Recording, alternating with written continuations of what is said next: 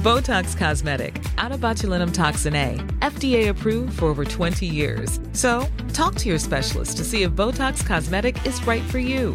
For full prescribing information, including boxed warning, visit BotoxCosmetic.com or call 877-351-0300. Remember to ask for Botox Cosmetic by name. To see for yourself and learn more, visit BotoxCosmetic.com. That's BotoxCosmetic.com. Hei, hei. Jeg tenkte bare jeg skulle informere om en ting før vi sveiver i gang dagens episode. Og det er at det finnes en bonusepisode om dagens tema ute allerede. Den kan du høre på nå om du vil, eller du kan vente til etterpå. Det spiller egentlig ikke så stor rolle, det viktigste er at du vet at den finnes. For det er en historie om hvordan en nybakt mammas depresjon kan arte seg, og er derfor veldig relevant for dagens tema. Og så vil jeg gjerne tilføye at du er hjertelig velkommen til å melde deg inn i vår Facebook-gruppe, der det pågår mange fine samtaler og diskusjoner om livet med barn. Og da kan vi fortsette. Så da setter jeg rett og slett over til meg selv.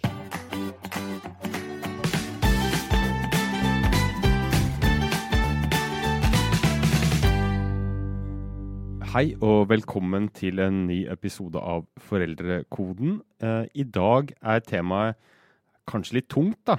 Vi skal snakke om fødselsdepresjoner og tunge tanker man kan få som foreldre. Og hvordan det påvirker familien, og kanskje da spesielt barna. Og som vanlig har vi med oss Hedvig Montgomery, psykolog og familieterapeut. Og Hedvig, hvor vanlig problemstilling er nettopp dette med litt sånn depressive tanker i, i din uh, praksis? Eh, når du jobber med dem som har det vanskelig, så er det selvfølgelig også de som kommer. Eh, så jeg ser jo langt flere av dem som har fødselsdepresjoner enn det det finnes der ute i livet, og sånn skal det jo også være. Eh, det er også viktig å være klar over at en fødselsdepresjon handler om så mange ting. Det er så mye som skal falle på plass etter en fødsel. Eh, og det er lett å tenke at det bare er forventninger som krasjer, men det er bare en bitte liten del. Det aller meste er langt mer og, og krever både tid og hjelp på flere plan for å få det til å falle på plass. Ja, og i dag er vi jo veldig heldige, for vi har litt mer ekspertise på området. Eh, Eivor Fredriksen, du er psykolog og har nylig avlagt eh, doktoravhandling om fødselsdepresjoner. Og du har bl.a. sett på når fødselsdepresjoner inntreffer, og i hvilken grad også menn kan rammes, som kanskje er litt uh, uvant å høre for, uh, for noen. Uh, hvorfor har du tatt for deg nettopp dette temaet, altså fødselsdepresjoner, i, i din doktoravhandling? ja, for vanligvis så tenker vi jo nettopp på fødselsdepresjon som noe som rammer kvinner rett etter at de er født barn. og så ønska vi å ha et liksom bredere blikk på det, og vi ønska å se åssen er dette her i løpet av svangerskapet. Og så ønska vi også å se på eh, mennene som er i overgangen til å bli fedre. Eh, ja, så, så vi ønska å utvide fokuset litt, da. Ja, og hva, hva, er det egentlig fødselsdepresjon Hva er det det egentlig handler om? Hvilke mekanismer er det som gjør seg gjeldende? Um, jeg tror det er mange veier inn i en, en, fødselsdepresjon. sånn at det er akkurat hva det er som er årsaken til uh, en fødselsdepresjon, det, det, har vi ikke helt uh, klart å finne ut av. Um, så, så, for noen så kan det være det at de har hatt um, kanskje depressive plager eller andre psykiske helseplager tidligere i livet, og som også dukker opp i denne perioden av livet. Mens det for andre kan være kanskje mer spesifikt knyttet til selve fødselen. Um, hvis vi skal si noe om fødselsdepresjon, da, så er det jo sånn um, Altså det er jo som en annen depresjon, ikke sant? hvor man har symptomer som går på dette her, at man ikke lenger føler glede ved de tingene man pleier. Man har pleid å like å gjøre tidligere. Man er tung til sinns eller nedfor mesteparten av tida. Man kan ha konsentrasjonsvansker, eh, streve med søvn, med, med, å spise. Mange sånne ting. Men i akkurat denne fasen av livet så vil jo veldig mange av tankene da dreie seg om det å bli foreldre. Så folk som har eh, opplevd fødselsdepresjon, snakker gjerne om at eh, de kan ha tanker om at de ikke er en god mor eller en god far. Kanskje at de skulle ønske at barnet ikke var blitt født. Um, de kan tenke De kan være forvirra over at de kjenner seg så dårlige. Når de hadde trodd at, skulle, at de skulle være glade og fornøyde i denne tiden. Lurer på om det kommer til å bli bedre noen gang. Um, ja. Og i veldig alvorlige tilfeller, altså med en veldig sånn, tung depresjon, så kan man også få tanker om å skade seg selv eller skade barnet sitt. Eh, hvor utbredt er, det, er dette her, da? Um, for kvinner så er det, det er litt høyere tall for kvinner. Der er det cirka, Ja, litt mer enn én av ti som, som, opplever en fødselsdepresjon. Mellom 10 og 15 For mennene så har vi Det er ikke like mye forska på menn, så vi veit ikke egentlig like godt. Men, eh, men i skandinaviske land så har det ligget på sånn rundt 6% ja. Og men så kan man jo tenke seg at uh, det, er, det, er, jo mye hormonelt uh, og sånt nå i sving i forbindelse med fødsel. Og man kan jo få Man, man blir jo ikke helt seg sjæl, uh, sånn som man pleier å kjenne seg. Og partneren sin, kanskje. Um, hva skiller en depresjon i forhold til hva skal man si, en normal reaksjon, da? Ikke sant. Um, ja det er ganske mange hvis man, altså er, Vi har et begrep som vi på norsk så kaller vi det ofte for uh, barseltårer, eller på engelsk sånn baby blues. Som er liksom knytta til det du sier. Man tenker kanskje det handler om no, noe hormonelt. Og det, det, handler om at kvinnen i noen dager etter fødselen kan få en sånn veldig forbigående tilstand hvor, hvor man gråter veldig mye, man kjenner seg veldig fortvila. Um, uh, i, i, en litt sånn kort periode. Humøret svinger veldig. Uh, men, men er, det er det vi liksom innafor det normale. Det er en veldig vanlig reaksjon. Um, noen sier sånn opp mot 50% sånn kan oppleve, kan oppleve det. Så når vi begynner å snakke om, om uh, en, en, fødselsdepresjon, så er det her kanskje en tilstand hvor du, Det må vare over tid. Det må gå utover de aktivitetene du gjør i hverdagen din. Må, må, påvirke deg såpass mye at du ikke helt klarer å gjøre de tinga du pleier å gjøre. Kjenne at det er til stede. Som eksempel? Eh, ja, altså, det å komme seg ut, gå en tur. Det å, altså når man nå snakker om sånn eh, barseltid, da. Um, treffe venner. Um, ja. Finne glede i ting man pleide å, pleide å glede seg over. Kjenner at man er tung til sinns mesteparten av dagen. Eh, hver dag over lengre tid. At det går ikke over etter et par uker. Da, da begynner vi å snakke om mer enn en depresjon, da. Denne makt, litt sånn maktesløshet og tomhet, det er vel noe um, du også har beskrevet litt i bøkene dine? Mm. Jeg tror at noe av det som, eh, som, er litt rart med fødselsdepresjon, det er ikke alltid man skjønner det selv i situasjonen. Fordi det er ikke de tunge tankene som er det største problemet, men opplevelsen av å ikke orke. Opplevelsen av å være kraftløs. Og det er jo en helt kjennetegnende ting også ved, ved vanlige depresjoner. At det er ikke det er ikke følelsesregisteret i seg selv som alene gjør en depresjon. Det er opplevelsen av å ikke orke å gå i gang med noen ting, ikke orke noen ting. Og det kan virke ganske forvirrende også for dem rundt den. Eh, fordi den der tafattheten er vanskelig å få tak i, vanskelig å kommunisere med. Og det tror jeg også er noe av grunnen til at du finner at det er så tungt for pappaer. Fordi at altså, damer som svinger, når østrogen flyttes, eh, østrogenproduksjonen flyttes tilbake igjen til hypofysen, som er det som skjer på dag fire ca. etter fødsel, ja, da må jeg bare si du kommer i en brå overgangsalder, og de aller, aller fleste reagerer på det på et eller annet vis. Men det går det an som pappa å på et eller annet vis forstå som partner. Det går an som partner å koble seg på at ok, her er det et eller annet uforståelig, men det skjer i hvert fall noen ting. Det som gjør fødselsdepresjon så vanskelig å håndtere, både for den som rammes og for kjæresten, er at det er liksom alt du prøver å ta i, bare smuldrer opp. Uh, og det er vanskelig å sette helt ord på det. Uh, når, når, kanskje pappaen da spør men, men er du lei deg, så sier hun nei, ikke egentlig. Altså, det, er ikke, det er ikke det som er hovedbeskrivelsen. Hovedbeskrivelsen er maktesløsheten og tafattheten. Uh, og jeg må bare si at det smitter over på menn. Mm. Eller på den nærmeste. Det skulle nesten bare mangle. Så hvordan håndterer man det? Hva er liksom en adekvat respons på, på, på noe man ikke helt skjønner hva er, om man ikke vet hvordan man skal ta i?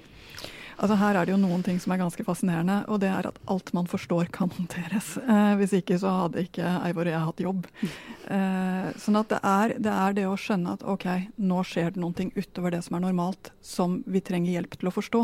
Egentlig er det den som, eh, som er den viktige her.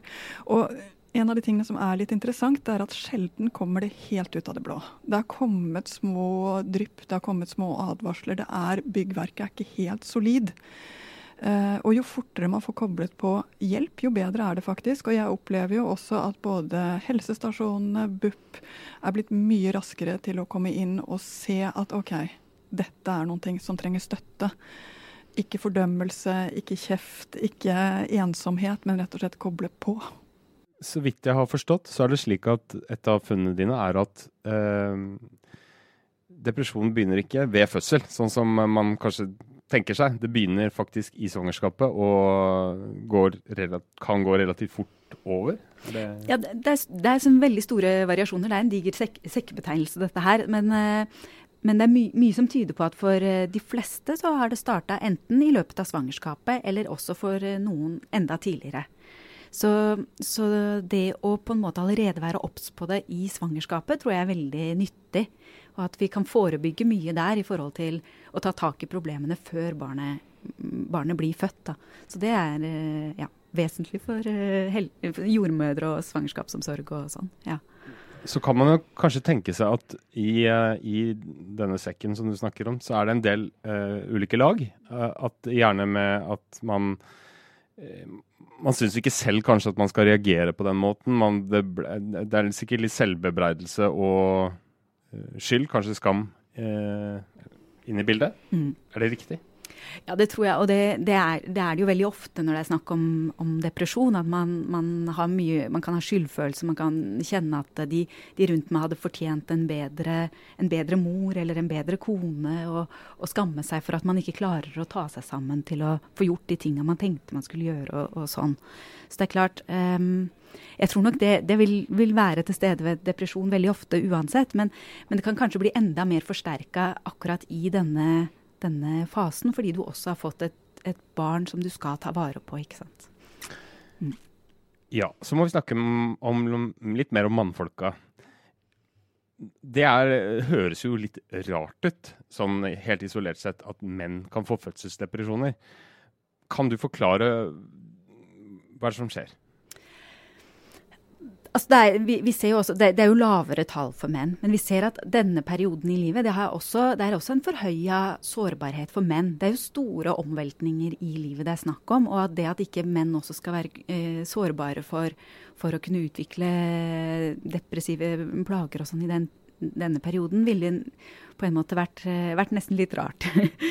så, så, det er klart at um, veldig mye av fokuset er jo retta inn på mødre og og eh, babyen, men, men, vi er nødt til å tenke mer på fedrene også, tenker jeg.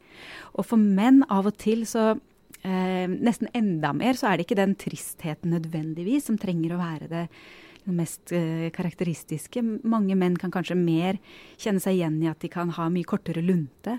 Litt sånn eh, lettere irritabel. Ehm, eh, kanskje trekke seg litt unna. Eh, noen kan kanskje begynne å drikke mer eh, alkohol enn de gjorde før, eller, eller eh, kanskje være mye mer på jobben, eller ikke sant. På ulike måter finne, finne ja, finne sånne måter å prøve å håndtere det som foregår på. Da. Ja, og da tenker jeg, Unnskyld at jeg avbrøt deg litt. Da tenker jeg at det er jo nesten enda vanskeligere å liksom skulle identifisere. fordi mm. det, dette er jo sånn som menn gjør. sånn, unnskyld at jeg ler, men altså, det er jo sånn menn kan finne på å gjøre uten at det nødvendigvis er noen ja. spesiell krise eller noen, ja. noen, grunn til det. Ja, så igjen da, så blir det litt mer sånn om, omfanget av det. Er dette her sånn at det er sånn hele tiden? At man ikke klarer å komme ut av det? Uh, at det bare varer ved. At man ikke Noen menn kan beskrive at de liksom føler seg helt sånn fanget, da. Eller også en sånn beskrivelse som kanskje går igjen. Um, ja. Så, så um, selvfølgelig Noe av dette her er ikke sånn at det blir en depresjon. Vi skal ikke, skal ikke begynne å um, uh, hva skal jeg si uh, diagnostisere normal, opplevelser. Men, men, når dette her blir det sånn livet er blitt, at det er sånn man er hele, at det er hele tiden, så, så er det på tide å kanskje få mer hjelp, da. Ja.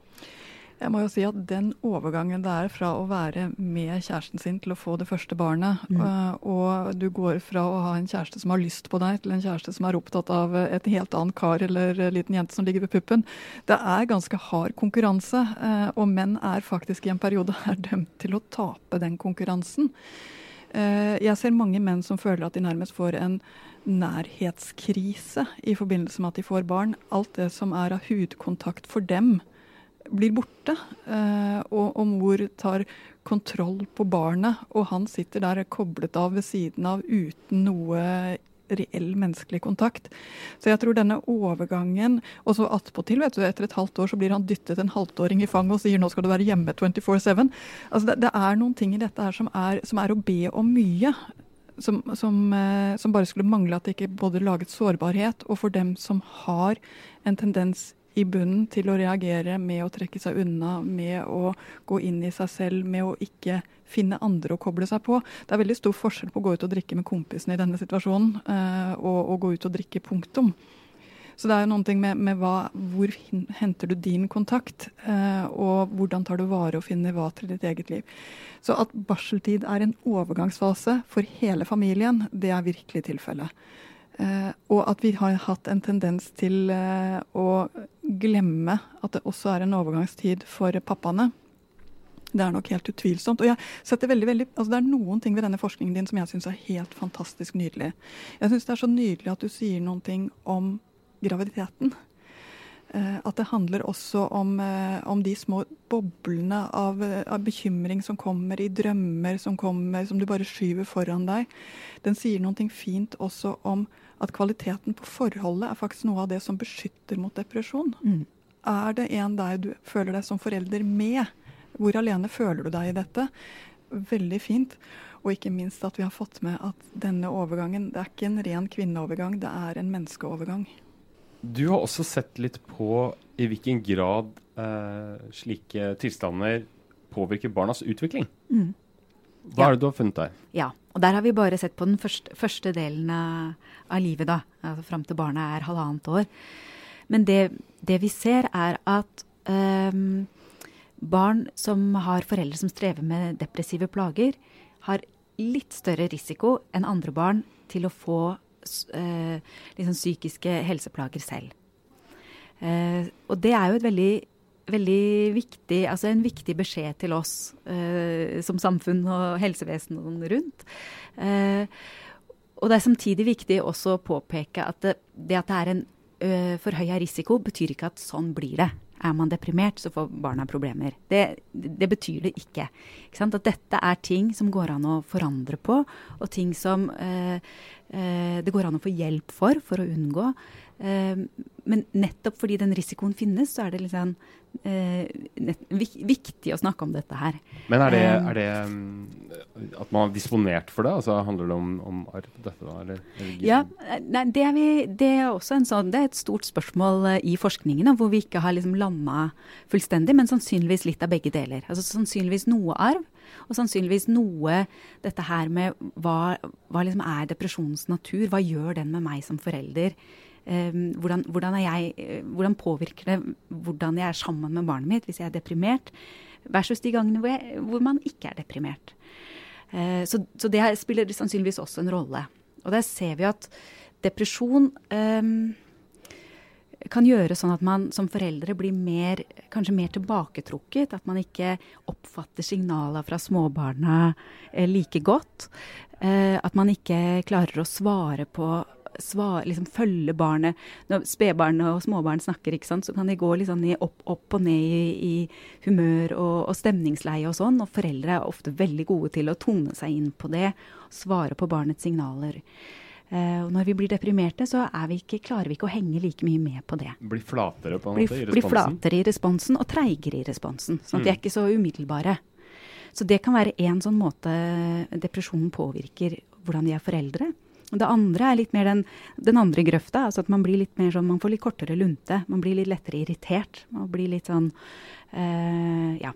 Og dette er vel ikke typisk da sånn sett uh, kun for fødselsdepresjoner, kan man tenke, men psykiske plager generelt. Og hvordan uh, Og det er det jo mange som har. Altså I større eller mindre grad så sliter man. og hvordan påvirker det barna når foreldrene er i ulage? Altså si sånn, De minste barna er helt avhengig av ansikt til ansikt. De er helt avhengig av at uh, det er en dialog der, og at de blir sett og, og møtt med sin favorittvoksne. Eh, så om det påvirker barna? Ja, det påvirker barna. Det gjør at du får en tregere start på den, det båndet, på den opplevelsen av å høre til, som de små barna er helt avhengige av. Og det, det, er det som gjør det viktig. Når du har barn, har du faktisk en god grunn til å ta bedre vare på deg selv, helt uavhengig av barnets alder. Du har bedre grunn til å søke hjelp når du har problemer. Du har bedre hjelp, eh, grunn til å faktisk strekke ut hånden. Og hvis du ikke er så flink til å søke hjelp, og mange av oss er ikke det, har du barn, så er du nødt til å gå over den terskelen og gjøre det allikevel. Fordi barnet er helt avhengig av denne kontakten, dette båndet mellom sin favorittvoksne og seg selv. Ja, så eh, hva er det klare rådet hvis man eh, selv opplever å, eh, ja, at man har symptomer, eller, eller den andre forelderen har symptomer, eller begge? Da snakker du med helsesøster eller fastlege, at det er sånn hvem du finner lettest å snakke med. Men, eh, eller for den delen at det finnes andre kloke voksne i nærmiljøet å snakke med. Men ikke sitt med det alene. Det er vel det som er det eneste tusenkronersrådet her. Men så kan det vel også være vanskelig å se seg selv utenfra. Eh, og det er vel også vanskelig for andre å, å gripe inn. Altså det er jo eh, det, er, det, kan jo føles som en veldig stor inngripen, da. Å skulle gå til noen og si du, nå sliter du her. Eh, vi må hjelpe deg men jeg tror den gamle, gode, gamle måten at andre lager mat, blir tar med ut på trilletur, at du, at du, får lov til å føle at du er en del av et community, en fellesskap. Noe av det som gjør faktisk barseltid litt vanskelig nå, er at det er blitt en sånn mikrofamilie-happening.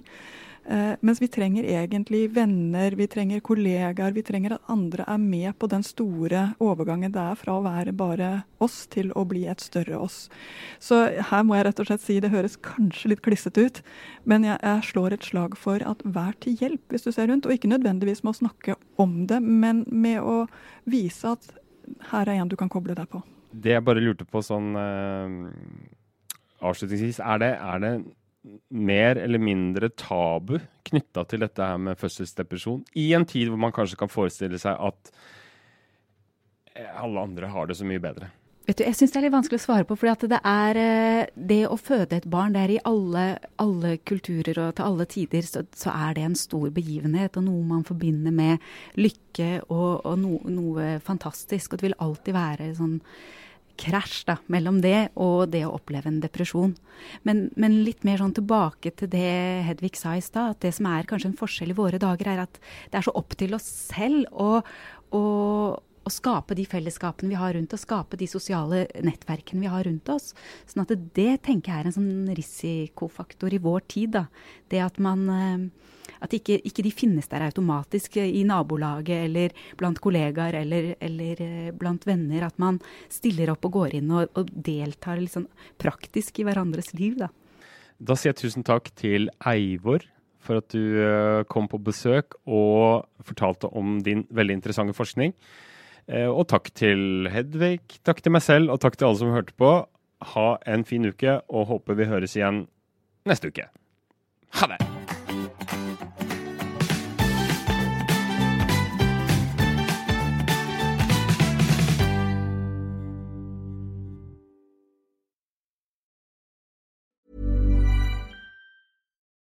Botox Cosmetic, out of botulinum toxin A, FDA approved for over 20 years. So, talk to your specialist to see if Botox Cosmetic is right for you. For full prescribing information, including boxed warning, visit BotoxCosmetic.com or call 877-351-0300. Remember to ask for Botox Cosmetic by name. To see for yourself and learn more, visit BotoxCosmetic.com. That's BotoxCosmetic.com.